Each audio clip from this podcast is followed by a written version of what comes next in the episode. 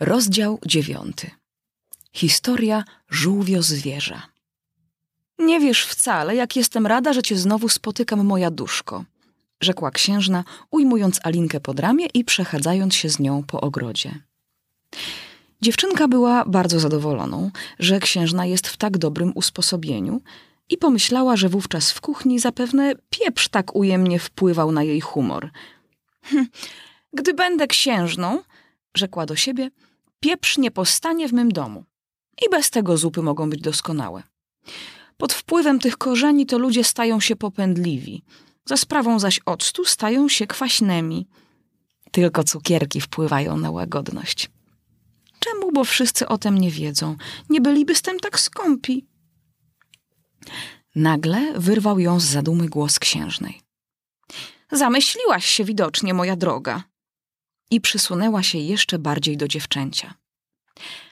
Alince ta bliskość księżnej nie była zbyt przyjemną. Po pierwsze, iż raziła ją swoją brzydotą. Po wtóre, iż wyższa nieco od Alinki, szturchała ją swoją brodą wyjątkowo ostrą i śpiczastą. Lecz Alinka, jako dobrze wychowana, znosiła przykrości, nie okazując niezadowolenia, a chcąc podtrzymać rozmowę, powiedziała: y, Jak się zdaje, gra idzie teraz lepiej. Istotnie, potwierdziła księżna. Y, dziwisz się zapewne, że nie biorę cię pod ramię. Przyczyną tego jest, że nie mam zaufania do twojego czerwonaka. Lękam się, iż jest zbyt wojowniczy. O, o tak, on gryzie, odparła Alinka. Istotnie, rzekła księżna, czerwonaki i musztarda mają to do siebie. Wszak musztarda nie jest ptakiem, zauważyła dziewczynka. I to racja, rzekła księżna. Cóż za wspaniały masz sposób wypowiadania się. Lecz tu nagle ręka księżnej drżeć zaczęła. Alinka uniosła głowę. Na wzniesieniu tuż obok stała królowa z rozkrzyżowanymi rękami, chmurna jak burza. Piękny dzisiaj jest dzień, proszę waszej królewskiej mości, zaczęła księżna głosem słabym i uległym. Ostrzegam cię, zawołała grzmiącym tonem królowa. Albo ty cała, albo twoja głowa musi pójść precz. Wybieraj. Zamiast odpowiedzi księżna ulotniła się czym prędzej. Kończmy grę, rzekła królowa do Alinki. Dziewczynka, zbyt przestraszona, aby coś odpowiedzieć, udała się za monarchinią na plac krokietowy. Goście, którzy w nieobecności władczyni odpoczywali, na jej widok natychmiast powrócili do gry, zwłaszcza, że każdą chwilę zwłoki mogli życiem przypłacić.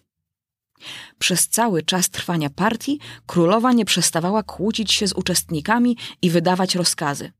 Precz z jej głową! Precz z jego głową! Straż zaś, złożona z żołnierzy, odprowadzała skazanych. Naturalnie, że wobec tego przestawali oni pełnić rolę bramek, tak iż po upływie pół godziny wcale ich nie było. A wszyscy gracze, prócz króla, królowej i Alinki, mieli wyroki śmierci. Wówczas, sapiąc z wysiłku, monarchini umilkła, pytając Alinkę. Czy już widziałaś żółwio zwierza? Nie, odparła dziewczynka. Nawet nie wiem, co to jest za istota. Z niego to przyrządza się zupa żółwiowa. Jeśli zaś chcesz wiedzieć więcej, chodź ze mną, on opowie ci swoją historię. Na odchodnem posłyszała głos króla, który zwracał się do skazanych w te słowa. Wszyscy jesteście ułaskawieni. To wcale ładnie, pomyślała Alinka. Przygnębiała ją bowiem myśl o wyrokach śmierci wydanych przez królowe. Zaraz na wstępie przechadzki władczyni i dziewczynka dostrzegły uśpionego w słońcu gryfa. Wstań, leniwcze, zawołała królowa, i poprowadź tę panienkę do żółwio zwierza. Niechaj go zobaczy i posłyszy jego historię. Ja muszę powrócić do dopilnowania wyroków, które wydałam. I odeszła, zostawiając dziewczynkę z gryfem. Alinka zrazu nie czuła się zbyt spokojną w towarzystwie potwora, lecz szybko pocieszyła się tym, że obcowanie z królową również jest niebezpieczne. Więc czekała. Gryf usiadł. Przetarł ślepia, po czym śledził za odchodzącą monarchinią. Wreszcie rzekł na wpół do siebie, na wpół do dziewczynki. Ach, tu boki trzeba zrywać ze śmiechu. O czym mówisz? zapytała Alinka. Naturalnie, że o królowej, odparł gryf. To wszystko jest urojone. Tam nigdy nikogo nie uśmiercają. Ach, chodź za mną. Każdy tutaj rozkazuje, zauważyła Alinka, idąc zwolna za zwierzęciem. Poprzednio nikt się do mnie nie odzywał w ten sposób. Po ujściu kilkunastu zaledwie kroków ujrzeli w oddali żółwio zwierza, siedzącego smutnie i samotnie na niewielkiej rafie skalistej. Podszedłszy bliżej, Alinka posłyszała ciężkie i bolesne jego westchnienia. Serdecznie wzruszona, zapytała Gryfa, czy nie wie, co jest powodem rozpaczliwych jęków potwora. Gryf zaś odpowiedział. To wszystko tylko urojenie. On nie ma zgoła zmartwień. Podejdźmy bliżej. Podeszli do żółwio zwierza, który zmierzył ich ślepiami pełnymi łez, trwając nadal w milczeniu. Ta oto młoda osoba, rzekł Gryf, pragnęłaby posłyszeć twoje dzieje. Opowiem jej chętnie, odparł żółwio zwierz, głosem ponurym, a bezdźwięcznym. Siadajcie, ale nie przerywajcie mi, dopóki nie skończę. Usiedli i przez kilka minut nikt nic nie mówił. Alinka w duszy czyniła uwagę, iż nie pojmuje, kiedy żółwio zwierz opowiadanie swoje zakończy, jeżeli je w ogóle nie rozpoczyna. Lecz czekała cierpliwie. Niegdyś, rzekł wreszcie żółwio zwierz, byłem żółwiem prawdziwym. I znowu długie nastąpiło milczenie, przerywane jedynie okrzykami gryfa. Hurra hu, hurra hu, hurra hu i nieustannymi jękami żółwio zwierza.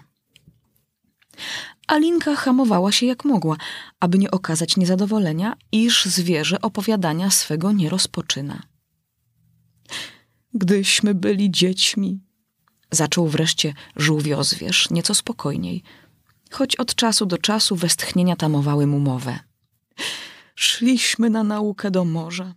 Nasz profesor był to stary żółw, Nazywaliśmy go Tartorogiem. Czemu Tartorogiem? zapytała Alinka. Nazywaliśmy go tak, bo nacierał nam rogów, odparł żółwiozwierz gniewnie. Rzeczywiście jesteś okropnie nudną.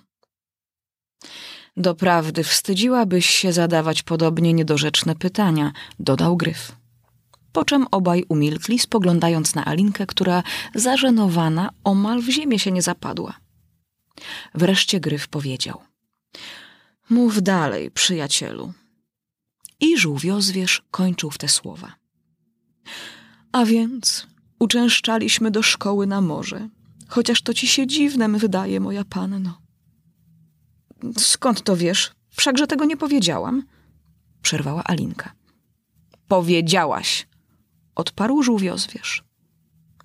Zanim jednak dziewczynka zdołała usta otworzyć, Gryf zawołał. Trzymaj język za zębami. Otrzymaliśmy więc edukację nader staranną, ciągnął dalej żółwiozwierz. Codziennie chodziliśmy do szkoły i uczyliśmy się co dzień dwadzieścia cztery godziny. Ja także codziennie chodzę do szkoły, odpowiedziała Alinka. Nie masz powodu tak się tem pysznić. A czy pobierasz lekcje dodatkowe? Zapytał żółwiozwierz z niepokojem. Naturalnie, uczę się francuskiego i muzyki. A prania bielizny? Co to, to nie, odparła Alinka obrażona. Tego u nas w szkole nie uczą. A więc szkoła wasza jest do niczego, zawyrokował żółwiozwierz z przekonaniem. W naszej szkole, prócz zwykłych przedmiotów, był jeszcze francuski, muzyka i pranie bielizny, za które była dodatkowa opłata. Bielizna chyba najmniej ci była potrzebna. Zamieszkiwałeś wszak dno morskie, zauważyła dziewczynka. Nie mogłem uiszczać dodatkowej opłaty i dlatego brałem lekcje nieregularnie. Zresztą nie osiągnąłem należytych rezultatów i w końcu zaniechałem uczęszczać na te wykłady. Jakie nauki mieliście poza tym? badała Alinka. Kręcenie się i dokazywanie, wyliczało zwierzę. Poza tym różne działy arytmetyki. Udawanie, nieuważanie, brzydzenie się i durzenie. Nigdy nie słyszałam o brzydzeniu, odważyła się wtrącić Alinka. Co to jest? Gryf ze zdziwienia podniósł obie łapy do góry. Nie słyszałaś o brzydzeniu? zawołał. Wszak wiesz, co to znaczy upiększanie, nieprawda? no tak, przyznała Alinka. To znaczy coś uczynić piękniejszym. A więc, konkludował Gryf, jeżeli nie pojmujesz, co oznacza brzydzenie, jesteś prostaczką i tyle. Ponieważ dziewczynka nie miała odwagi pytać się o więcej, rzekła zatem, zwracając się do żółwio zwierza. Y, iluż was było w szkole? Z początku dziesięciu. Potem co dzień jeden ubywał. Więc w końcu nie było żadnego. A cóż na to mówili nauczyciele? Mówili, że trudno nauczyć ciele, więc sami do siebie gadali. Czegóż uczono was jeszcze? No, dosyć już o lekcjach, przyjacielu, przerwał Gryf. Ty sam nie wiesz, czego w ogóle uczą, tak tego dużo. I ja także nie wiem. Opowiedz, że teraz cośkolwiek o waszych zabawach. Czytała Małgorzata Wojciechowska.